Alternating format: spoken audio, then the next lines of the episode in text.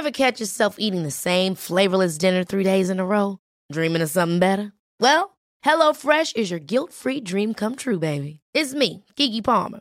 Let's wake up those taste buds with hot, juicy pecan-crusted chicken or garlic butter shrimp scampi. Mm. Hello Fresh. Stop dreaming of all the delicious possibilities and dig in at HelloFresh.com. Let's get this dinner party started.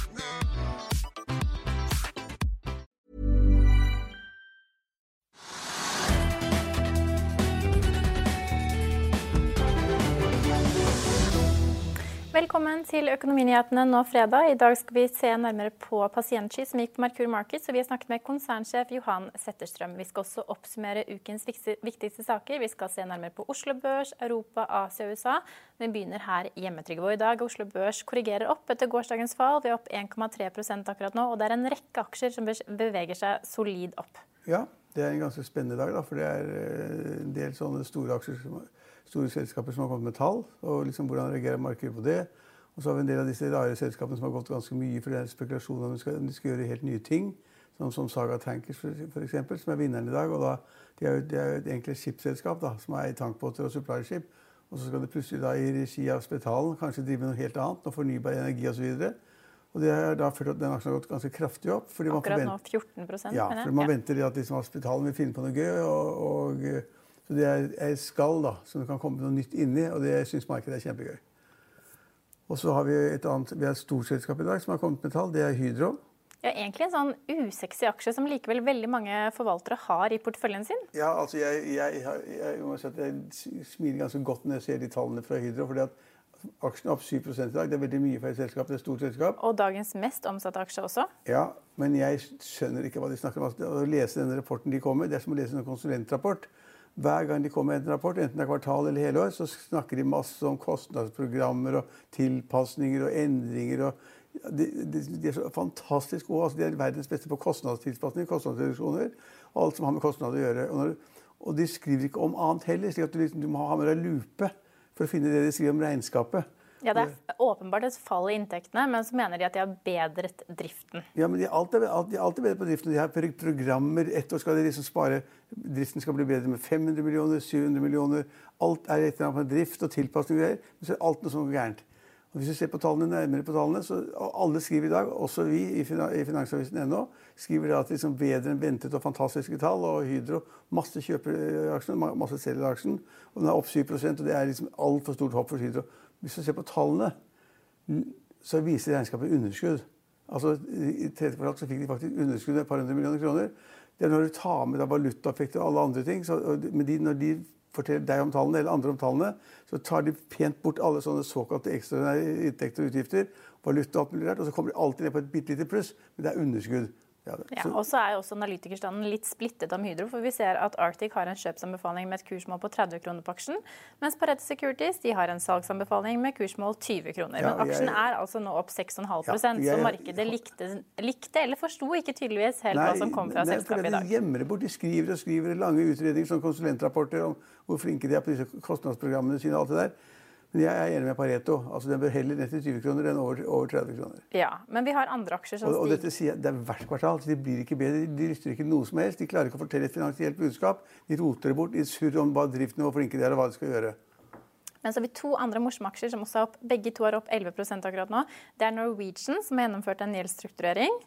Og så har vi da eh, REC Silicon. Ja, ja altså REC Silicon er på en måte da blitt en sånn eh, Det er en, eh, en grønn aksje som da kontrolleres av Kjell Inge Røkke. og hvordan man tror da det at de selskapene som da på en måte tapte masse penger og ikke fikk gjort noe som helst, og som da produseres i Lisium utenfor Washington, at de nå skal, da liksom, skal komme en ny fabrikk der som skal lage masse nye produkter, hvor de kan kjøpe silisium fra, fra REC, silikon, og at det er blitt en grønn aksje, og det skal bli masse, masse fint med det. og det er, Den aksjen har gått ganske mye allerede. fordi at altså, Kjell Inge Røkke kom inn i den aksjen på en kurs på 1,35 øre.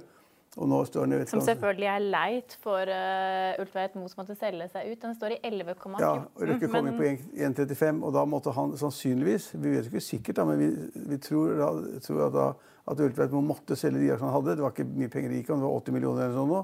Fordi at man da skulle rydde opp i porteføljen sin. Han tapte masse penger på all mulig bi og alt mulig rart. Og så solgte han det. Og etter at Røkke overtok, så har ikke Røkke gjort noe som helst Men bare at dere er der og kanskje tenker grønt og skal finne på Ja, noe og Ja. Utsiktene til selskapet ser vel også vesentlig Ja, bedre ut nå bedre enn det gjorde da Jens Ulltveit Moe satt uh, med Ja, den kanskje, men den fabrikken som- den er ikke bygget, den er ikke kommet i gang, og de har ikke solgt noe som helst ennå.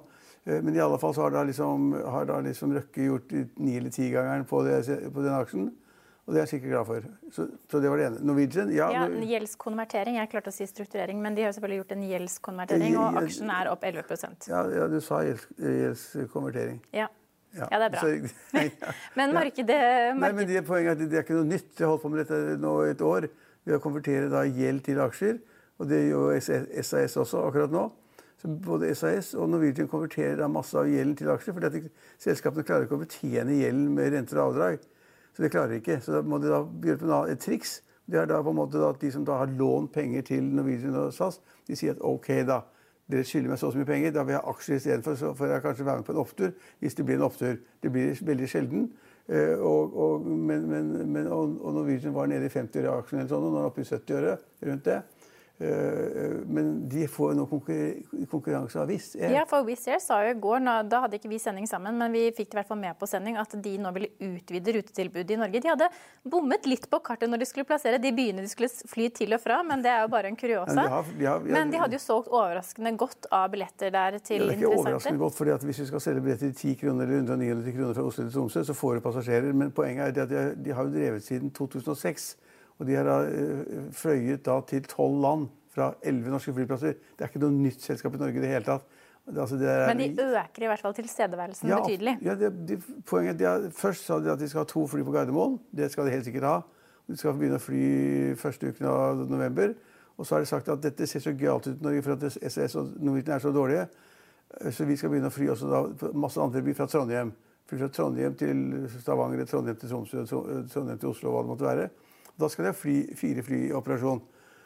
Så Det er kjempebra. at når da, i det, På det tidspunktet hvor det kan se ut som da både Norwegian og SAS detter sammen og brekker sammen, og brekker nakken, så står det plutselig et flyselskap der som har vært der i mange Ja, år. Og så vi er klare. Noens død eller andres brød, eller hva Ja, ja, heter det? Jeg vet ikke. Jeg synes det er fantastisk. Jeg, jeg har skrevet en leder om det i Finansavisen i morgen også, for det er så mange tullinger som sier mye rart i den, i den sammenhengen der. Så jeg har laget, jeg har laget en ganske god kommentar på det i morgen. Ja, så har vi en annen aksje som stiger nesten 9 Det er Otello. Den stiger etter at DNB Markets spår at aksjen kan mangedoble seg. På motsatt side, taperlisten, så finner vi Solstad Offshore. Kanskje ikke så veldig overraskende, Trygve. De har jo gjennomført en restrukturering denne uken, og den er faller. Men den faller. Betydelig fall ja, det hele ingen- Ingen skjønner noe annet. og Der, der står altså I det selskapet så står da, er hovedaksjonæren nå blitt eh, Røkke og Fredriksen.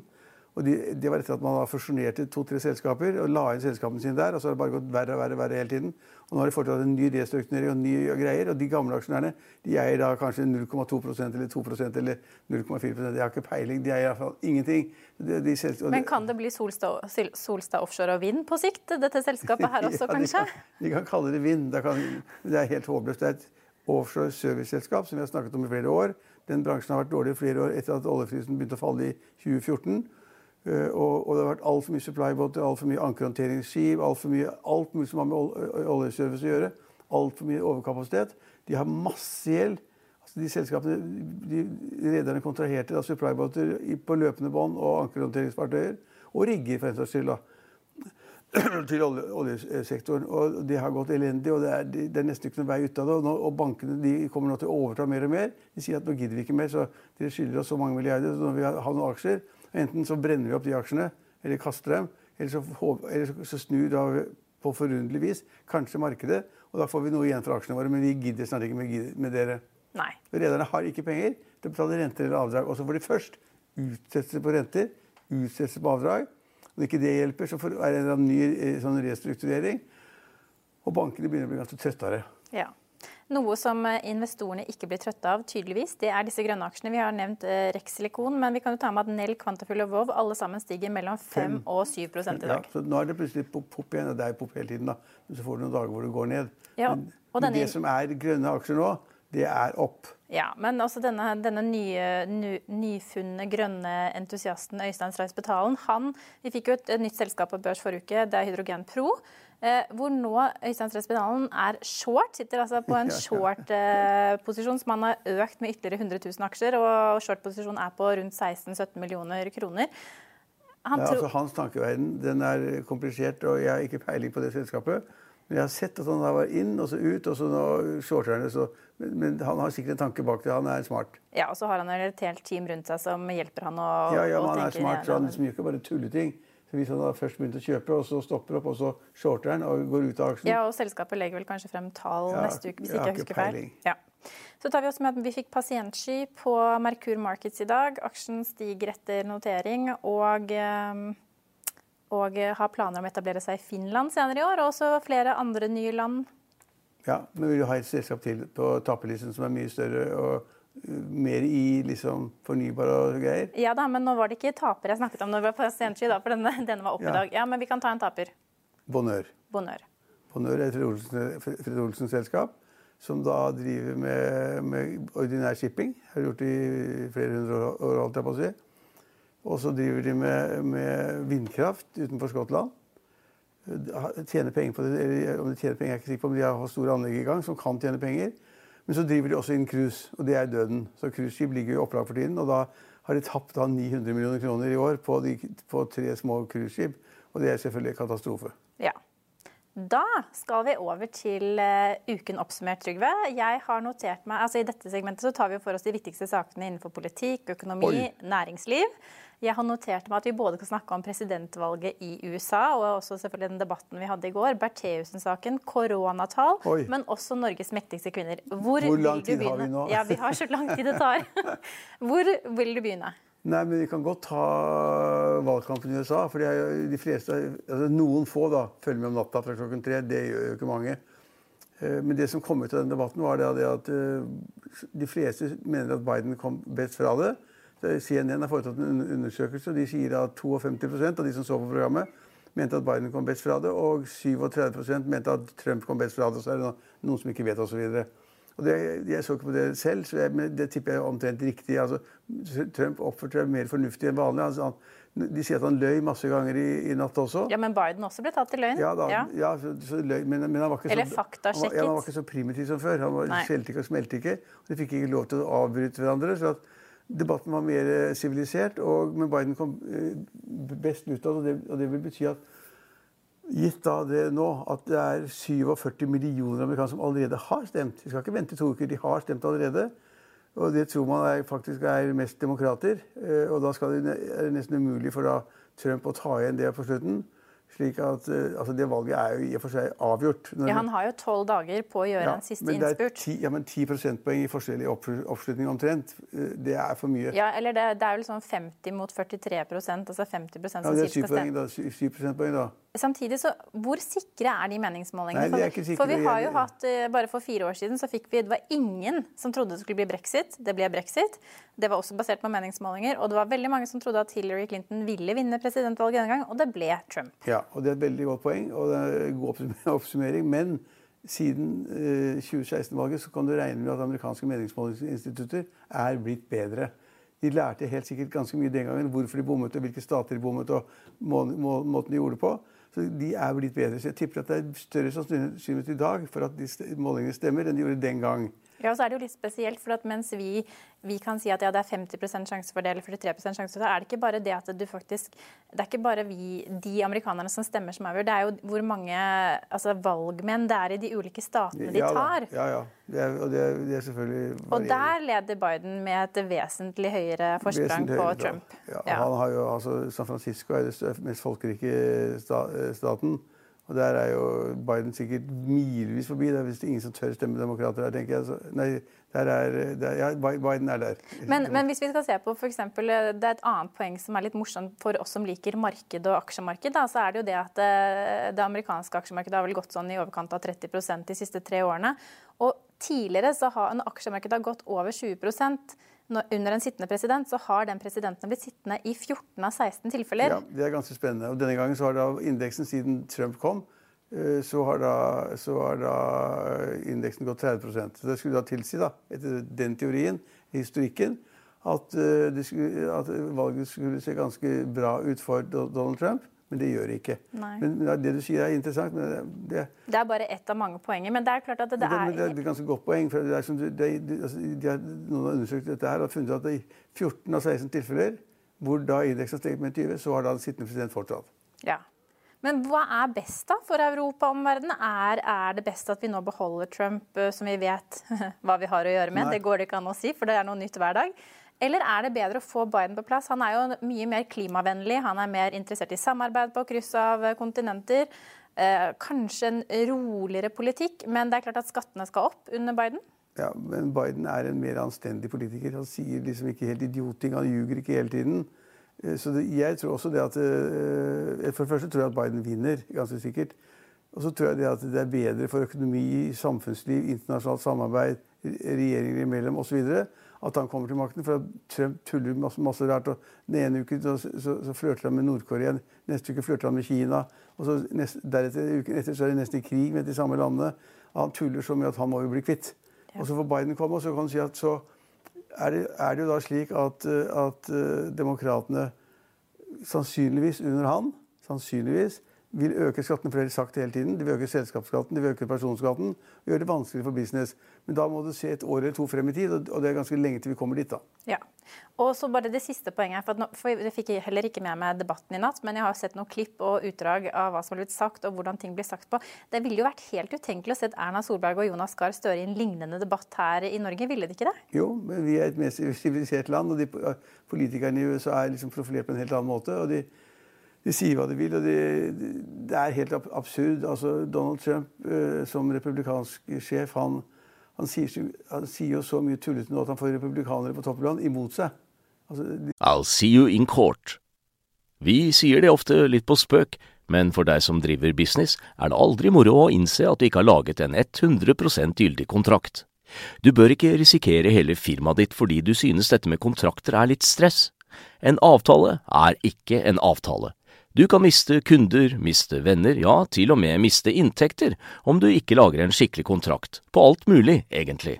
Men vi vet det er et styr, kopimaskiner, tregprinter og haugevis av papir. Dessuten stoler vi jo på folk her i landet.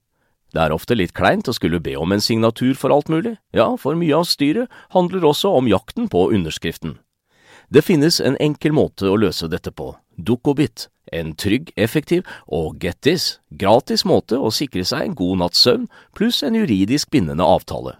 Dukkobit-appen har de strengeste sikkerhetskrav i bunn, samt en EU-godkjent og sertifisert teknologi. Framover vil det bli behagelig å spørre du, skal vi skrive under på det, eller? Kom i gang på dukkobit.no. Senatorer og andre i, i Kongressen de snakker nå imot uh, Trump, og de sier at de, jeg har stemt, forhåndsstemt men jeg stemmer ikke på Trump, enda jeg har vært i senator eller medlem av Representantenes hus i mange år. Så han, så han, han altså det, Man skal ikke si det. det han, han, er, han er rett og slett han er, han er teit. Han sier utrolig mye dumt, utrolig mye dumt og utrolig mye feil. Og det, det, det, og han, på en måte er, han er jo ødeleggende for presidentembetet. Altså respekten for embetet som sådan. da, At en sjef kan si så mye tull. Og vi har jo alltid tull han har sagt i koronapandemien. Han har sagt tull hele veien. Ja, Han sa jo bl.a. i går at nå var korona på vei til å gå over. Ja, men altså vi vet... Og lovet vaksine i løpet av et par uker. Det kan jo godt hende at den vaksinen kommer. For det, er jo faktisk fire vaksiner som er i testfase tre. Ja, men vi vet men... at alle tallene blir verre hver dag for tiden I ja. Europa iallfall. Og USA tror jeg også. Ja. Så skal vi da gå over til eh, Nei, jeg vil synes, jeg synes vi skal gå innom den Bertheussen-saken når vi først er inne på rettsvesen og politikk. Har du sittet i salen og fulgt med? Nei, men nå er altså saken inne i de siste Dette er jo en sak som egentlig verken du eller jeg er ekspert på. Men vi har fått med oss hva som har skjedd, og vi har fulgt altså Tor Mikkel Wara var jo tidligere justisminister og måtte da selvfølgelig gå av etter at denne saken kom opp i mediene. Det har vært et ekstremt Han måtte ikke gå, han gikk av helt frivillig. Ja, ja, men det ville kanskje blitt vanskelig å bli sittende i en sånn posisjon med en sånn sak rullende og gående. Men det har i hvert fall vært et ekstremt mediepress på Bertheussen-saken. Og Voldsom dekning over alle medier. Ja. Og nå er vi da inne i sluttfasen, for nå er det dag tre med prosedyrer i dag. Og, og det er jo da um, Bertheussen mener jo at de verken har DNA eller fingeravtrykk som gjør at de kan felle henne på ulike punkter. Aktoratet vil gjerne ha to år i eh, fengsel, mens, eh, mens eh, selvfølgelig forsvarerne vil ha full frikjennelse. Ja.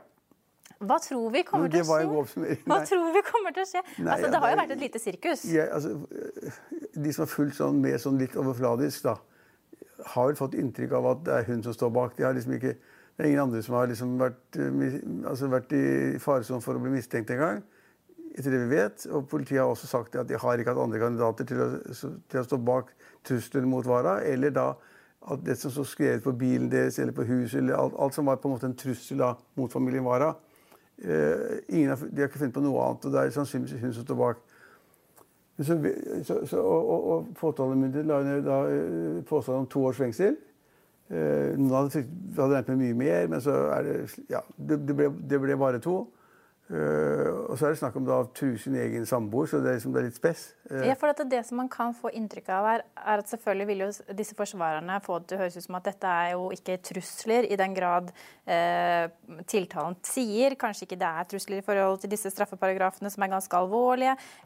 justisministeren ble jo ikke satt ut av, av trusselbildet heller. Han kunne fullføre jobben sin som alle andre. mens når Kristin... Men ikke det helt, for Han gikk ut og sa den gangen, hvis jeg husker rett, da jeg har ikke vært i rettssalen, men han gikk ut og sa det at dette var en trussel mot meg personlig og mot, mot demokratiet. og Det var forferdelige greier. Det var kanskje før han visste hvem som han, kunne komme ja, ja. til å stå bak? Han var, han var, presset og sa det var ganske ille da. Ja. Men, men, men, så, men, så, men, så, er det at øh, øh, Han skal jo da være skyldig utover enhver rimelig tvil, som heter i jussen. Ja. Enhver rimelig tvil. Og den som er best i Norge på å ha så tvil og skape tvil, det er jo hans forsvarer Elden. Ja, hennes, ja. Han er fenomenal til å ta for seg det som er angivelig et bevis.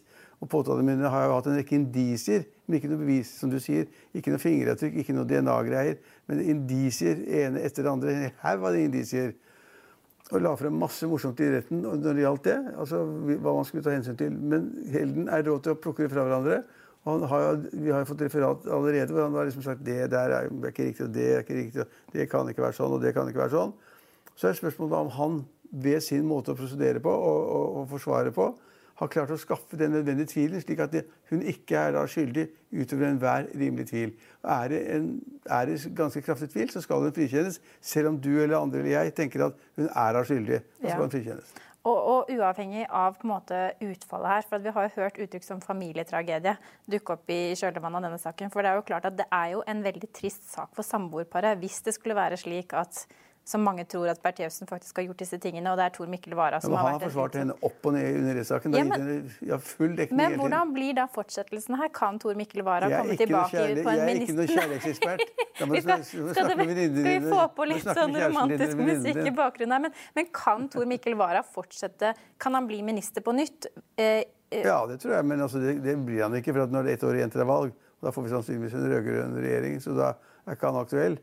Men, men altså, hans forhold til samboeren Det er sikkert mange som lurer på det. Men altså, det kan godt tenkes at kjærligheten uh, dekker alt. og da, Selv om han da også da kunne kanskje mistenke henne for å ha gjort det, kanskje, det vet vi ikke noe om.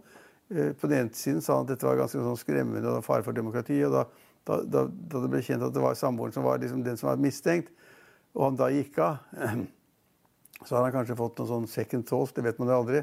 Men, uh, men det er et spes forhold. Ja, det er et spes forhold. Men når du da sier sier eh, det, Trygve, så tenker jeg kanskje at vi skal fortsette til Norges mektigste kvinner. For vi setter jo også dagsorden her på huset, og denne uken så kom Kapital med kåringen over Norges 100 mektigste kvinner. Og der har korona hatt en påvirkning i år?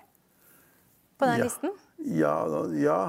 Alle disse smittesjefene har jo bare fuff, inn på listen på høye plasseringer. Ja, noen, har kommet, noen har kommet inn på listen, og, eh, og det er helt riktig. men og så er det litt forandringer da, på toppen. Altså, Erna Solberg er Norges mektigste, det er opplagt. Men Siv Jensen, som var finansminister, hun var nummer to. Hun har ramla nedover til femte-sjetteplass.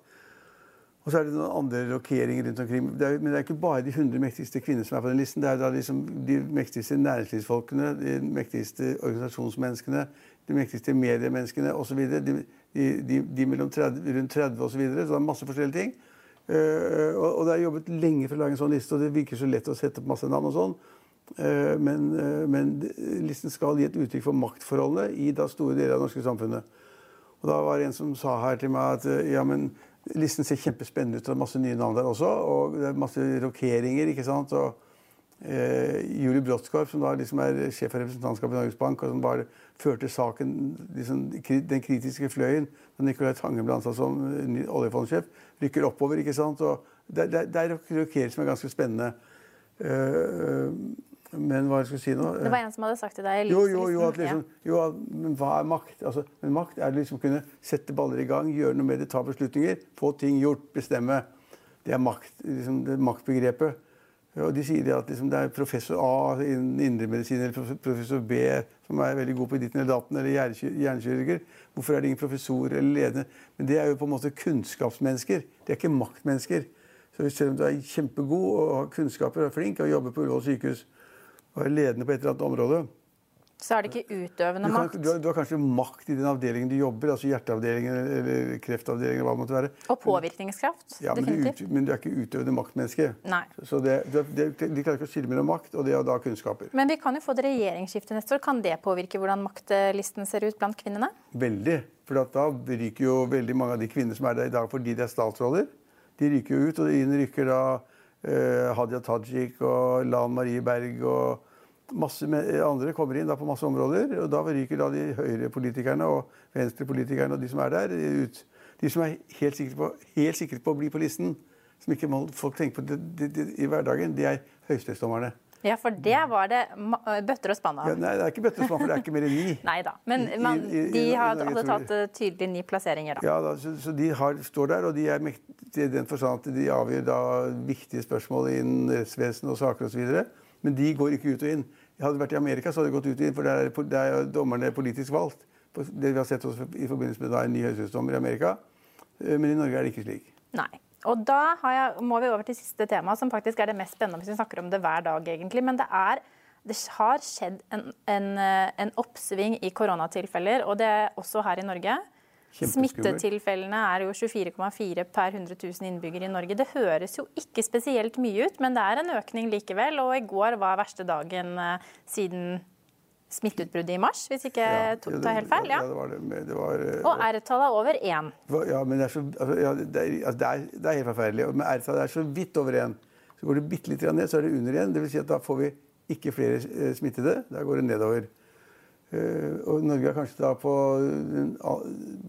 nest best eller tredje best i verden når det gjelder nye smittetilfeller, selv om det er en del. Men man må regne det om til per 100 000 innbygger. Og så er det da smittetilfellene i løpet av de siste 14 dagene. Eh, men poenget er at det går utrolig fort den gærne veien i Europa. Altså Danmark stenger grensen til Tyskland. Belgia er i katastrofe. Eh, Frankrike er i katastrofe. Eh, kanskje tilbake til slik det var i Italia osv. Så, så, så det, nå er vi nesten da vi, da vi fikk sjokk, vi som ikke kunne noe, i mars-april. Og det er nesten ned. lockdown og nedstengning på ny? Det er nettopp det som er poenget. Da er det lockdown og nedstengning på ny, og det går utover da alt som har med næringsvirksomhet å gjøre. Industriselskaper må stenge, øh, hoteller må stenge. Barer må stenge. Tidligere i hvert fall, ja. Jo, men, ja, ja, mange av de må stenge også. Men går vi liksom mot en ny periode med altså, Vil det bli vi har, altså, Belgia Frankrike portforbud mellom midnatt og fem om natten. Ja. Man får ikke lov å være ute og spise lenger enn til klokken er ti. Alkoholsalget stenger klokken åtte i Belgia. Eh, det stenger kanskje litt, enda litt tidligere her i Norge hvis man er i butikken. Men, men eh, det, går vi mot en ny nedstengning også i Norge, eller er vi ikke like hardt rammet som vi ser av Frankrike, Spania, Belgia? altså Nei, altså Danmark tror jeg har sagt at Norge og ett land til er det, de landene de kan på en måte reise til og ha noe å gjøre med. For vi er såpass bra. Jeg tror ikke Norge kommer i den situasjonen vi var i 12.-13. mars. Hvor man stengte alt i Norge eh, som man da gjorde. Jeg tror ikke Vi, er, vi er, fremdeles heldige. og Går det én eller to dager til, og vi kommer da under, den R-en går ned på 0,7 eller 0,8, eller sånn, så er vi liksom der er home run igjen. Men i disse andre europeiske landene, hvor de da åpenbart har åpnet for tidlig, eller det er blitt smitt, smitte fra da eh, La oss si på det personlige ting. Altså familie, selskaper, klubber, sammenkomster hvor det liksom er mennesker som da er i sosial sammenheng. Der er smitteutbredelsen så stor og så rask at der, Du sier at eh, noen land skal nå stenge klokka åtte om kvelden. I Norge skal vi stenge tolv og sånn, ikke sant? Men de burde stenge helt. Altså jeg, det er nå så alvorlig og så raskt og så, så skummelt at de burde stenge helt. Bare restauranter. Stengt alt sammen. Eh, portforbud, ja, gjerne portforbud. Eh, eh, I mange av de europeiske landene så har de da gått fra null tilskuere på fotballkamper til 200 eller 300 sånn. Ta det vekk. Altså, I Norge har vi åpnet opp for at, at man skal kunne trene sammen. Fotballspillere som man ikke gjorde i et halvt år. Ta det vekk. Altså, vi bør, alle de der sosiale omgangene hvor det på en måte sjansen for smitte er ganske stor, du blir svett og greier og kliner inn på andre, det er ikke bra i det hele tatt. Man burde, man, altså skal Europa komme over dette her nå og ikke få en så tøff nedstengning, så må de gjøre masse ting som de ikke gjorde før. Og I noen land så er det jo da påbud å bruke munnbind overalt. Ikke bare butikker og, og, og, og på T-banen, men overalt. Og jeg mener at, og det tipper jeg vi kommer til å se, i løpet av få dager så blir det så strengt at man da viser at nå skal vi ikke ha den totale nedstengningen. Eller vi skal ha det en viss periode, en uke eller to eller tre, for å se hva som skjer. Og hvis det da blir bedre, så skal vi kanskje åpne opp litt. Grann. Ja, for Nakstad sier jo at det vil komme nye tiltak, og vi vet at det er eh, en ny koronaoppdatering akkurat nå. Jeg lurer på om fokus, hovedfokus i dag der ligger på vaksineutsiktene. Fordi at Norge ja, sier jo Vaksineutsiktene er jo ganske bra, ja, faktisk. for de sier jo at det vi får vaksine hit i Norge, så er de i gang med å vaksinere. I løpet av tre ukers tid så har de tatt liksom, risikogruppe nummer én. Ja, og nå er det jo, Jeg er ikke, ikke medisiner, Eline, men altså, nå er det jo tre eller fire sier de seriøse da, øh, vaksineforskningsarbeider som nærmer seg slutten, og som er i fase tre. De er i fase tre nå. Jeg, hvis de da gjennomfører fase tre, så er de på en måte da, og, og da får de testet det på en slik måte at det da ikke er bivirkninger, og at det kan selges. Og Der er det fire, tre eller fire selskaper i verden, Pfizer bl.a., som er i den situasjonen at de kan komme med, med medisiner når som helst. Vaksiner. Og hvis det kommer i desember eller januar, så betyr det en dramatisk endring. Da vil jo i millioner mennesker da få disse medisinene. I Norge har vi sagt at disse medisiner eller tester, alt skal være gratis. Eh, og det vil det sikkert være i mange andre land også. Og eh, Donald Trump sa jo da i går, i natt, i den debatten at liksom Vaksinen er klar om to uker. Det er bare ljug, selvfølgelig. Han måtte på en måte gi da den amerikanske befolkningen håpet om, eller troen på, at nå er det liksom over. Han tar feil. Men det kan tenkes, siden da de, de som har greie på det, sier at det er tre-fire vaksiner så i emningen så nære at det kan skje, så kan det kanskje skje. Det kan endre en del. Men akkurat nå så ser det jo fryktelig ut uh, i, Europa. Og vi vet jo ikke egentlig hva som skjer i India eller andre land hvor liksom, folketettheten er mye større, og, lett, og, de bor dårligere, og de har mindre mulighet for å bli testet og greier. Altså, jeg syns det er kjempeskummelt. Og det at Danmark er så hardt rammet nå, det er også kjempeskummelt. Ja. Det tror jeg får være dagens uh, oppsummering av ukens og egentlig de siste tidens viktigste hendelser. Vi skal over til pasientsky, som ble notert på Merkur Markets i dag. Vi har snakket med konsernsjef Johan Setterstrøm. Dere skal børsnoteres nå, og hvorfor går dere på børs nå? Eh, det finnes flere anledninger hvorfor vi går på børsen. Eh, en anledning er at det er et ganske bra børsklimat just nå. Så det er en. Sen behøver vi skaffa oss muskler for å klara klare av vår internationella expansion.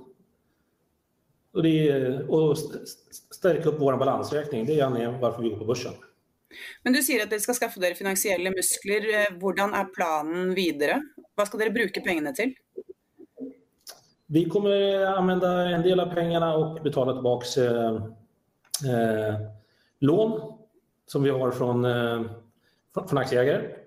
Och vi kommer använda pengarna till eh, framtida förvärv och eh, bygga ut, och själva, bygga ut organisationen så vi, blir, så vi kan hantera den efterfrågan vi har som bland annat på plattformen där vi inte kan hantera tillräckligt till, alltså de som vill bygga applikationer på vår plattform. Så det, och skala ut vår verksamhet liksom utanför Norge. Men hva er, eh, går det an å eh, si hvordan vekstplanene er eh, med en prosentsats? Altså skal dere vokse 25 hva, liksom, hva ser dere for dere? Vi har jo vekst 40 eh, hver år siden 2018, og vi planerer å holde samme takt. Hvordan er verdsettelsen av selskapet nå? Dere har gjort en rettet emisjon på rundt en halv milliard, hvis jeg husker korrekt? Det stämmer, vi gjorde en eh, private placement på 500 miljoner norska. Eh, och det är ju inte vi som sätter värdet på, på vårt sätt, våra investerare och det gör ju börsen vidare sen. Men, eh, så, så, vi är väldigt förnöjda med det. Vi hade ett enormt intresse. Vi var övertecknade nästan tio gånger. Så vi är väldigt nöjda med vår vår private placement. Hva slags investorer er det som er i selskapet nå? Vi har lykkes få inn veldig eh, eh, sterke cornerstone-investorer som eh, TIN-fonder i Sverige, Handelsbanken, en liten eh, eh grupp her fra Oslo og bl.a. annat eh, også Autocumulus fra Sverige. Så väldigt starka. Sen är det väldigt mycket internationella investerare, både från Sverige, Norge, England, USA. Mm. Så vi är ekstremt nöjda med den, våre investerare just nu. Men hvis dere skal se på hvordan dere skal tjene penger fremover, hva, hva er liksom hovedinntektskildene for dere? Så, eh, för tillfället så eh, har vi alla våra intäkter härifrån eh, vår norska eh, marknad och det kommer vi fortsätta. Vi kommer fortsätta utveckla den också. Eh, sen senare här i år så kommer vi lansera vår tjänst i eh, vår SAS-tjänst i Finland. Sen kommer vi fortsätta bygga ut ekosystemet runt vår plattform eh, och få mer partners på vår plattform så då kommer vi se intäkt från det också sen. Sen är vår ambition och plan att vi eh, tar nye länder, nye länder og nye länder. Um, og bare helt til sist, Det er veldig mange selskaper som går på børs nå. Hvorfor skal investorene gå for dere fremfor et av de andre selskapene? Det er egentlig en fråga som de borde svare på, men vi tycker att vi har en veldig unik posisjon innom inom det vi gjør. Vi, vi har ikke bare løsninger eh, för typ kliniker eller sånt, utan vi har en teknisk plattform eh, som egentligen driver alla lösningar till våra, till våra kunder som gör att vi kan ha eh, både partnerskap och eh, med, med egentligen våra konkurrenter. Så vi, vi, vi, har en unik teknisk plattform som ingen annan har, så därför ska man ju välja att investera i oss. För långsiktigt så tror jag att eh, merparten av våra intäkter kommer komma via plattformen. Ja, og da gjenstår det bare å ønske lykke til. Da. Takk så mye. Denne sendingen er tilbake mandag klokken 15.30, og så ønsker vi dere en riktig god helg så lenge.